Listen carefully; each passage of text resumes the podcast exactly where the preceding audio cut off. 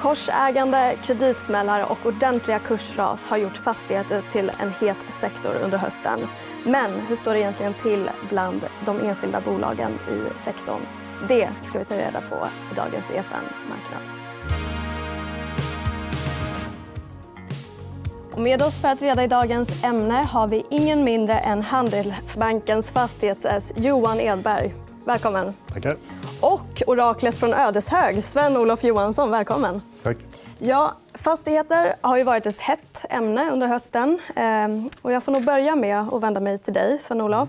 Du är då vd och grundare för fastighetsbolaget Fastpartner. Ja. Ehm, hur har året varit för er, eller för dig? Då? Eh, så här långt har det ju varit bra. Det har varit en fantastisk hyresmarknad. Så det har gått väldigt lätt att hyra ut. Vi har sänkt våra vakansgrader hyggligt.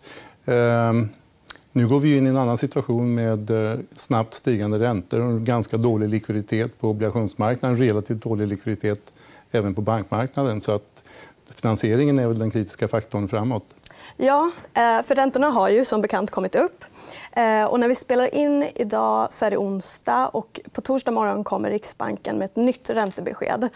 Du har eh, skissat lite på en höjning på 0,75. Men du har även dragit ut... Du har även skissat framåt i tiden lite längre än så.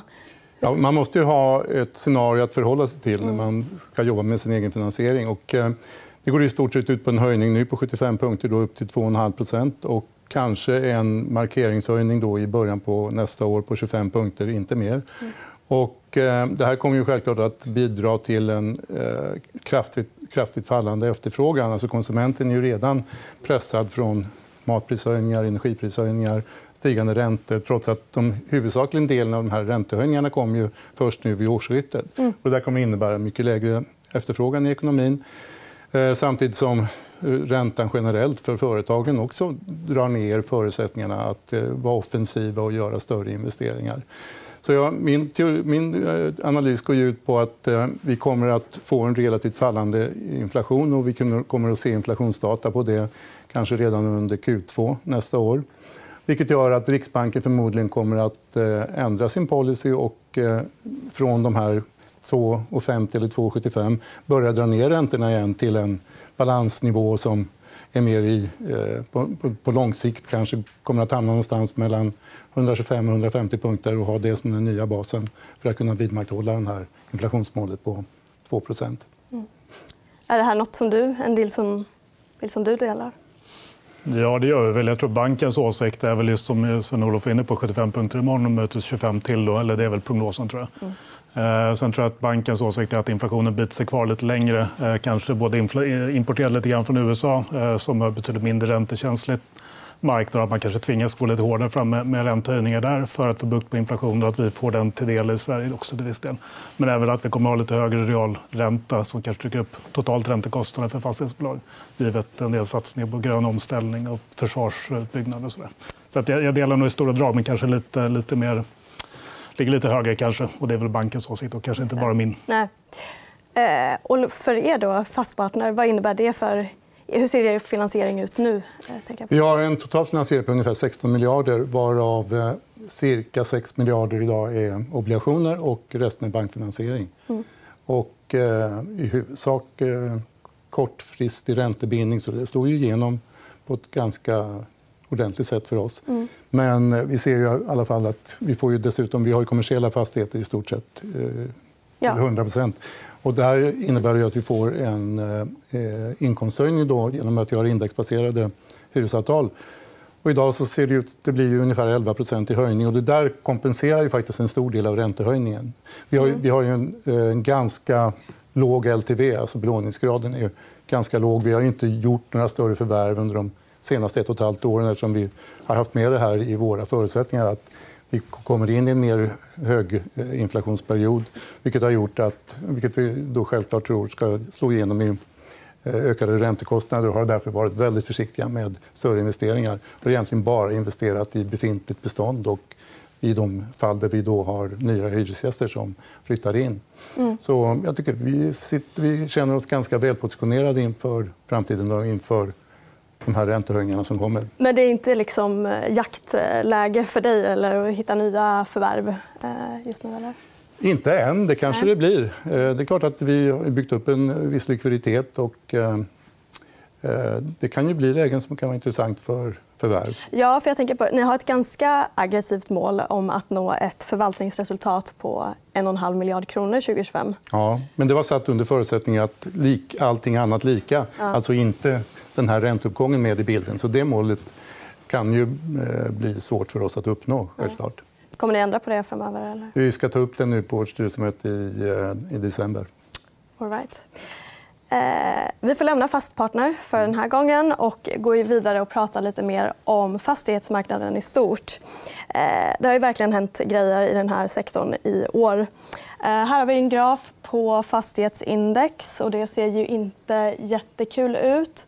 Um, vad tror ni om, om fastighetsmarknaden framöver? Ja, alltså, det, det vi tror, om man ska dra alla över en kam och titta på något snitt så tänker vi oss att det kommer att vara väldigt volatilt. Eh, men att det kanske inte finns en uppenbar uppsida eller nedsida på kort sikt. Aktiemarknaden har ju prisat in att det ska bli sämre. Precis som Sven-Olof är inne på. Vi har inte sett att det är sämre än så länge. Utan aktiemarknaden är orolig för det som komma skall och väldigt mycket kopplat till finansiering och refinansiering. Finns det kapital åt alla? Och vad händer när räntan kostar 5% istället för 1,5 kanske? Så det kanske inte är så illa som det ser ut? Eller? Ja, men vi ska ha respekt för att vi kommer från en nivå i slutet av förra året, alltså piken där i slutet av grafen, mm, eh, mm. från extremt upptrissade nivåer. Det var ju liksom excessernas år och, och euforins år där liksom konsolidering av marknaden påeldat av väldigt mycket likviditet och billigt kapital gjorde att man förväntade sig vinsttillväxt på kanske 25, 30, 35 procent i många fall. Så det, den värderingsbilden eh, speglar ju det, det, sentimentet. Nu har vi det motsatta. Nu har vi liksom en en konsolidering av balansräkningen istället för av marknaden och, och en oro. Ehm, så att, att, eh, även om vi är lågt värderade nu så får man ändå respekt för att vi, en del mm. av det här fallet är ju egentligen att, att montera ner tillväxtpremien. Mm. Vad tänker du? När ja, man kan ju titta lite grann på den värdering som eh, du har på börsen idag och sen så titta på vad implicit det här innebär i avkastningskrav på de fastigheter du äger.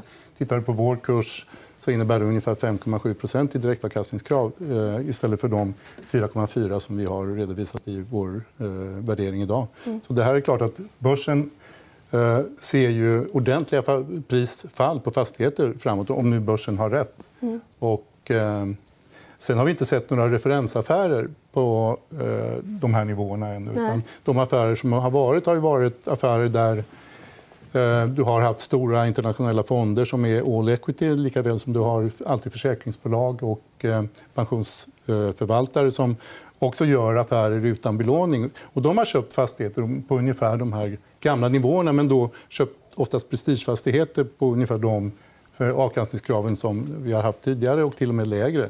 Runt 3-3,5% Ofta med väldigt långt tidsperspektiv. också. Ja, de har ju ett, ett enormt eh, tidsperspektiv. självklart. Att, den här typen av prestigefastigheter kommer ju aldrig till salu annars, med mindre än att du har en kris.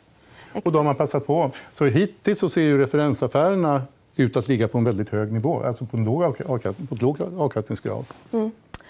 Eh, generellt, eh, den svenska eh, fastighetsmarknaden eh, har ju varit, som vi pratade om, eh, väldigt eh, liksom, i ropet just nu. Det är mycket korsägande och liksom, eh, stora affärer i sektorn.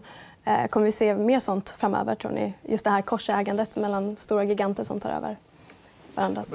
Det, det vi refererar till som korsägande idag det är väl framförallt kanske när börsbolag äger andra delar av andra börsbolag och så vidare. Och att det finns en en, ett, ett, ett, ett, ganska ska säga, brett korsägande överlag. Och det tror jag kanske är lite frukten av att vi har haft en, en period under ett antal år där, där man har jagat avkastning, jagat investeringar. Mm.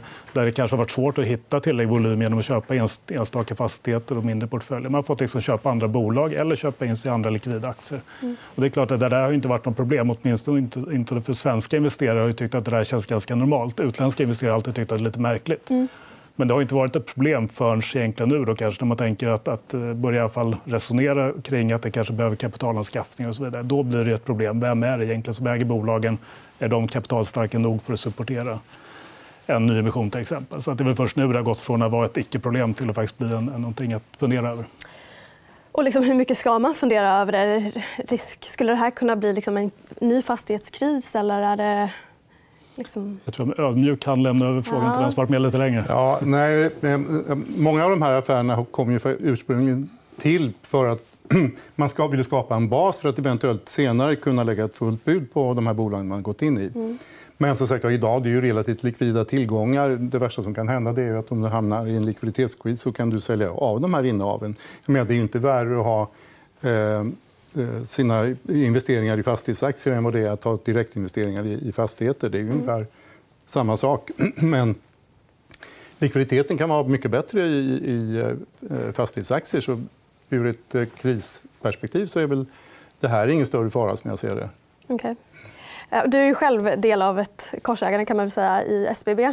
Där du Ja, men det, lite, det har en lite annan karaktär. Dels är det inte Fastpartner som är delägare utan det är mitt moderbolag som är eh, delägare i SBB. Och SBB har ju helt andra typer av tillgångar så för mig är det mer eller mindre en riskspridning.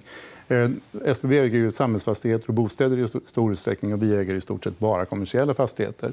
Så det finns en annan rationalitet i den affären och det är det enda korsägandet vi har. Och vilken plats i ägarlistan finns du på nu? Är det? På, SBB? Ja. Fjärde eller femte största ägare. Ja.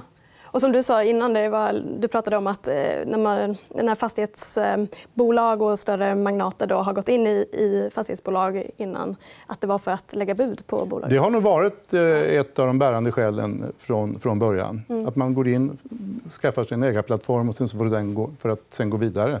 Och du har ju sett en hel del såna affärer faktiskt komma till Men stånd. det, men det har inte varit inne i det? Nej, absolut Nej. inte. För mig är det en ren kapitalplacering, ingenting annat. Och vad tror du om SBB? Eh, Vi pratade nu om... Jag sitter ju i styrelsen på SBB så jag Ah. ska vara lite försiktig med vad jag tror om SBB. Ja, ehm, I alla fall har ju då finansieringsfrågan varit en, stor sak i Mm. bolaget. Ja, Men SBB började ju väldigt tidigt att sälja av tillgångar just eftersom Ja. man såg den här krisen komma. Eller man såg de här försämrade finansieringsmöjligheterna dyka upp. Och var ju väldigt, väldigt tidigt ute. Eller gjorde ju rätt stora utförsäljningar under, före semestrarna. När du ändå, när du, där du fortfarande hade en ganska bra marknad. Och, eh, Ja. Eh, nej men för att, och vi pratade lite om det innan, att de har köpt tillbaka eh, återköpt obligationer nu. ja. Eh, är det en bra idé, tycker du? Ja, på de här prisnivåerna som har varit. Nu är ju den marknaden ganska grund så du kan inte, det är inga större volymer du kan få tillbaka om du inte lägger ett bud, ett 10% bud så att du, de får ansluta sig till, till det. Men det är klart att du har ju kunnat göra det där med rätt stora rabatter och eh, rabatten är ju ingenting annat än förstärkning av det egna kapitalet. Det du tjänar på det blir ju sagt, att du köper tillbaka ditt eget kapital till en rabatt. Just det. Eh, och du sa också att ni finansierar er med obligationer eh, i Fastpartner. Ja, Vad säger du om marknaden nu? Du kan få ta Eh, mm. Det krävs. Jo, eh, det är ju en marknad som är, alltså idag är likviditeten rätt så dålig både i kronor, framförallt i eurobonds. Ja. Eh, Men marknaden kommer ju alltid till, på något sätt på väg tillbaka. Men om du tittar på eurobondmarknaden, den stod ju stopp när ECB slutade köpa eh, corporate bonds. Och du tror att de kanske behöver köpa... Jag skulle tro att beroende på hur allvarlig den här krisen blir så skulle inte jag vara främmande för att ECB kanske tvingas gå in och likvidisera marknaden igen här under slutet på nästa år. Börja med kvantitativa lättnader igen istället för kvantitativa eh, begränsningar eller QT som man. QT som man säger. Är det nåt som du också tror? Eller? Jag kan inte bedöma det spontant. Amatör, amatöråsikt är väl att det känns lite för tidigt. Det känns att man måste liksom komma igenom lite grann och få med åtstramning. Ja, lite grann beroende på hur kraftfull krisen blir. Men det är klart att det finns det är säkert verktyg där också att ta till igen. Men spontant så tänker jag det är en ena aspekt. där Liksom, vad, vad kapitalmarknaden är stängd, som man säger, lite slarvigt. eh, Väldigt höga spreader, både euro men men även SEK. Och Den andra frågan är liksom, finns det utrymme för alla att, att, att skaffa bankfinansiering? Och det är bara det faktum att bankfinansiering även där med en swap-ränta på 3% och en marginal låt säga 1-2 kostar 4-5 Så att det, det är två olika aspekter. ena, Tillgängligheten och prisfrågan. Ja. Det låter som att vi kommer få se mer försäljningar i alla fall från bolagen framöver. Eller? Vi tror det från vårt perspektiv. Vi tror framförallt att refinansiering, alltså om, när lån förfaller nästa år, framförallt, det börjar väldigt med stora volymer Q2, Q3 nästa år och sen ganska stora volym- volymbelöpande efter det. Vi tror att det där är lite katalysatorn för att börja eh, att det tvingar fram försäljningar. För det är ett sätt att lätta på balansräkningen. Ja, vi har faktiskt en graf här över obligationsförfallen i svenska fa- fastighetsbolag framöver. Du kan få prata lite kring det här. Som du sa, det... Ja, om jag ska inleda så kan jag säga att det här är då den första delen av, av den så kallade väggen av obligationsförfall. Och det här är väl i SEK Ja, det är nog faktiskt både SEK och euro. Men det vi har försökt göra här är väl egentligen dela in det i ett antal subgrupper. Den ena är liksom längst ner där är de här, det vi kallar för A-bolagen, alltså A-ratade bolag som ofta har en statskoppling på något sätt. Eh, där ser vi inget problem. De lånar ju redan idag mm.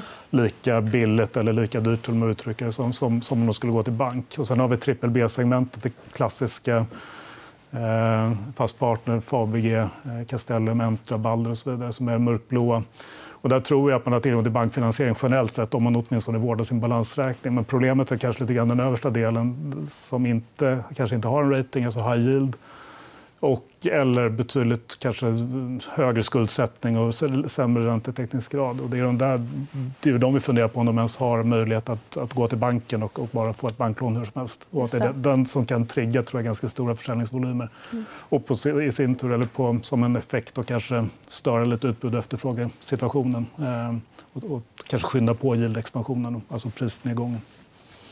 Sven-Olof, vad tänker du om den här grafen? Blir du skrämd? Eller? Nej, men man kan säga det som var en fördel tidigare. Tidigare så var det en fördel att vara ett stort bolag eh, och därför kunna gå ut på eurobondmarknaden och finansiera sig. För där vill man ju gärna ha rätt stora volymer. Så det var en fördel att kunna ta en bond på en eller två miljarder euro. Mm. Eh, och eh, idag är det precis tvärtom. Idag ska du ha en relativt liten bondexponering.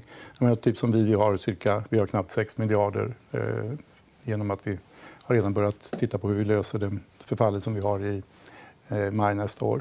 Och, eh, det är fördelat på våra tre, fyra huvudbanker över en fem eller sexårsperiod. Det är inte särskilt mycket pengar. Mm. Så att idag är litenheten, flexibiliteten mycket viktigare än de här stora volymerna. Och vilka, liksom, eh, vilka gynnas mest av det? Då? Vilka bolag är det? De små bolagen ja, och... givetvis. Och de stora får ju, har ju ett mycket större problem. Ja. Har ni några exempel i sektorn eh, på de mindre bolag? Det som... du tar det. Ja, det känns som de flesta är stora. Jag vet inte om vi behöver gå in på det. Men det finns, ett, det finns ett antal bolag som sticker ut som de senaste åren har gått väldigt långt de har inte sagt hej då till bank, men de har liksom all nyfinansiering och mycket av omfinansieringen för dem har ju skett i kapitalmarknaden. Så mm. merparten av utestående skuld är ju i kapitalmarknaden. Och dessutom stora volymer. Så det är klart att om den här ska börja vandra in och tillbaka i bank så kan det sätta lite press på kanske bankernas möjlighet och, och vilja och, och även prissättning, alltså marginal. Men eh, alltså, överlag så tänker jag att, att det är ju vi tänker spontant att banken finns där generellt sett för förfallande skuld de kommande åren. Mm. Men vår tes är också att bankerna kommer behöva ställa krav på emittenten eller på låntagaren. Att inte bara säga att här, ta vår skuld. Okay. Utan, utan kommer räntetäckningsgraden ner för långt eller belåningsgraden stiger för mycket för att priserna går ner, då tänker jag att även banken eh, kanske ställer krav på den som lånar. Vilket gör att man kanske kan liksom bena ut lite grann vilka är naturliga eh, accepterade låntagare vilka kommer kanske få lite mer problem eller behöver göra aktiva handlingar i balansräkningen. Mm, just det. För vi har faktiskt en graf på skuldsättningsgraden i fastighetsbolagen här också. Och då ser vi att det har stuckit iväg ganska mycket eh, här på slutet. Eller precis innan slutet, jag säga. Um, kan, kan, du berätta lite om den? Nej, men jag tror det vi vill visa här, och där är egentligen en av två grafer som vi brukar lägga mm. bredvid varandra. Det andra är belåningsgraden som varit ganska ska säga, platt eller flat, alltså inte utvecklats, inte stigit de senaste sju åren. Men tittar vi just på, på, på skuld mot kassaflöde, i det här fallet räknat som ebitda, så ser vi att den har stigit. Nu, nu beror det på lite vilket urval man gör och vilka mm. bolag som är med i studien. Det här tror jag egentligen all, alla bolag som vi har tillgänglig data på. Men även om vi tar liksom, grafen och data med en nypa salt så tror jag ganska uppenbart att kassaflödet har blivit svagare på, på, eh, relaterat ut, eh, till utstående skuld. Så att, att det är mindre kassaflöde för att serva skulden. Men det här skulle bankerna kunna exempelvis sätta krav på? Jag vet inte om de tittar just på det här. Nej, nej. Jag kan tänka mig att det är belåningsgrad och den gamla klassiska räntetäckningen som är det som är så klassiska kovenanter både från Moody's och S&P när de sätter betyg och kanske bankerna. Men jag tycker att det är ändå ett riskmått. Det visar ju någonstans att skuldsättningen har gått upp om man tittar på, baserat på kassaflödet. Verkligen. Ehm, men så jag antar att ni på Handelsbanken eh, lägger mycket vikt nu vid eh, finansierings, eh, bolagens finansiering helt enkelt. Jo, men det är så. Tittar vi vad som har styrt aktien och aktieindex avseende fastigheter det senaste året så är det ju, det är ju räntan. Ja. Får vi en liten uppgång eller nedgång så, så får vi kraftiga reaktioner på, alltså motsvarande reaktion på, på, fastighet, eller på aktiepriserna. Så att, ja. att, det är ju någonstans det det handlar om. Det är där stora oron är. Sen tycker jag inte man ska glömma de konjunkturella effekterna som sannolikt kommer av att vi går in rullar in långsamt i någon form av lågkonjunkturrecession. Ehm, det kommer att få effekter också. Men jag tror att... Förlåt. Jag tänker, finns det några, eh, liksom, vissa bolag som kommer drabbas särskilt hårt av konjunkturnedgång? Eller är det liksom, berätta över jag tror att det kommer att vara skillnader. Ehm, jag tänker att kortsiktigt så är det, det har varit mycket snack om bostads eller hyresrätter. Och det är klart, de får inte riktigt samma eh, inflationskompensation som Sven-Olof får i fast part de kommersiella fastighetsbolagen. Å andra sidan så är liksom vakansrisken, hyres, hyresrisken så gott som noll. Så jag tror att det kommer, det kommer slå lite olika beroende på om vi pratar ett år, eller två eller tre år. Pratar vi tre år framåt så klart att då är det kanske de kommersiella fastigheterna, eh, efterfrågan på lokaler som kommer vara Eh, ha en högre risk. Eh, och kortsiktigt kommande året så kommer bostäderna tappa lite konkurrenskraft i och med att de inte får lika mycket kompensation. För mm. Nu är man ju lite nyfiken om du har någon koll på Fastpartner eller någon eh, analys på den aktien. Jag har inte det. Nej. Men vad tänker du om det som Johan säger? Då? Att det kan bli lite tuffare för kommersiella fastigheter? Nej, det är väl bostäder i första hand som Och sen tuffare. på lång sikt? Ja. ja. på lång sikt. Det är ju konjunkturen som avgör. Men å andra sidan så är det så att ju sämre konjunktur du får ju snabbare kommer centralbanken att ändra sina, sina eh, förutsättningar och sitt sätt att eh, sätta räntan. Och självklart så måste man ju stötta ekonomin. Och framför allt, eh, I en väldigt låg konjunktur med väldigt låg efterfrågan så är inflationen inget problem. Utan efterfrågan i sig gör ju att prisnivån kommer att sjunka i stort sett på allting. Eh, och det där gör ju att då får du en, får du en annan räntebana framåt, ungefär den som jag indikerade tidigare. Mm. Säg att du kanske som sagt, du ser, en, du ser Riksbanken börja sänka igen i Q3 eller Q4 nästa år mm. på grund av den, låga, den dåliga konjunkturen. Mm. kan man säga, vi har jobbat på vårt sätt med att dra ner eh, belåningsgraden. Så vi ligger idag ungefär på 40, 41 procent. Mm. Ja, eh, men rent generellt, då, du som har koll på hela sektorn i stort då, har du några särskilda aktier som du ser som köpvärda nu? Vi tycker de aktierna som, som kanske då framförallt in, som också har straffats och som också värderas med en stor rabatt och ganska lågt eh, som kanske inte har den extremt stora exponeringen mot kapitalmarknaden som inte har 3% eller alltså bostäder som avkastar 3 eh, som, eh, som kanske har en, en sund portfölj, en bra ledning, en bra styrelse och dessutom kanske en implicit avkastning på uppåt 7 där, tycker vi liksom, där kan man nog börja köpa redan nu. Annars tänker jag att man ska vänta lite grann och kanske vara med i just rekapitaliseringen. Och de här bolagen du nämner, vilka, vilka är det? Jag tycker Wihlborgs platser till exempel. Okay. Eh, här, bra bolag med, med, med sund finansiering, inte jätteberoende av en investment grade eller en rating. Eh, som inte behöver liksom använda fokus på att vårda den utan snarare fokus på, på att kunna eh, driva sina bolag framåt. Jag tror, inte att vi kommer, jag tror vi ska förvänta oss en betydligt lägre tillväxt de kommande åren generellt för alla fastighetsbolag. Eh, men det är klart att köper de med stor implicit rabatt idag på fastigheter eller bra avkastning implicit på fastigheterna i sunda bolag med bra hållbarhetsarbete och så vidare, ja, men det kan man då köpa redan nu. Men jag tror man måste vara ganska säker på att bolaget inte behöver stärka balansräkning med nyemission. För det tror jag generellt sett att man ska vänta lite grann och snarare köpa teckningsrätter eller inte vara Mm. inte vara en aktieägare om det sker en riktad nyemission. Till exempel. Och det låter på dig nu som det finns risk för det i flera bolag. Eller? Men jag tror att man, man kan nog inte utesluta det. kan man inte utesluta det så är det en uppenbar risk som man bör prissätta efter. Och jag tänker också att det kan vara en våt filt så länge man tänker ja. att risken finns där. Och hur tänker du kring det som Johan säger nu?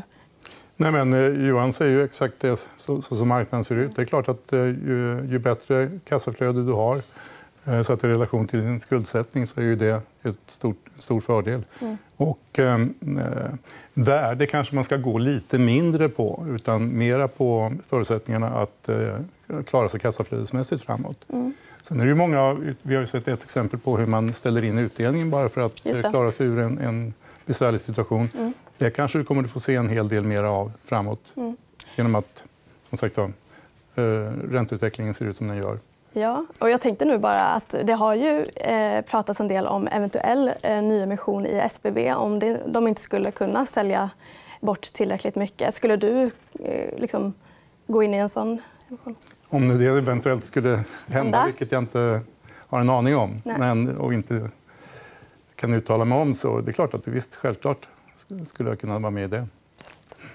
Ja, det får bli de avslutande orden för dagens program. Tack Johan Edberg och Sven-Olof Johansson för att ni kom hit. Tack. Yes, det var allt för dagens program. Och glöm inte att följa oss på Twitter och på vårt Instagramkonto. Där heter vi EFN Aktiekoll. Nästa vecka är vi tillbaka igen med ett nytt program. Vi hörs då. Hej då!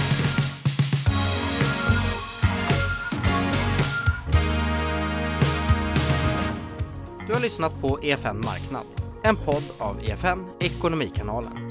Mer om ekonomi och aktier finns på efn.se.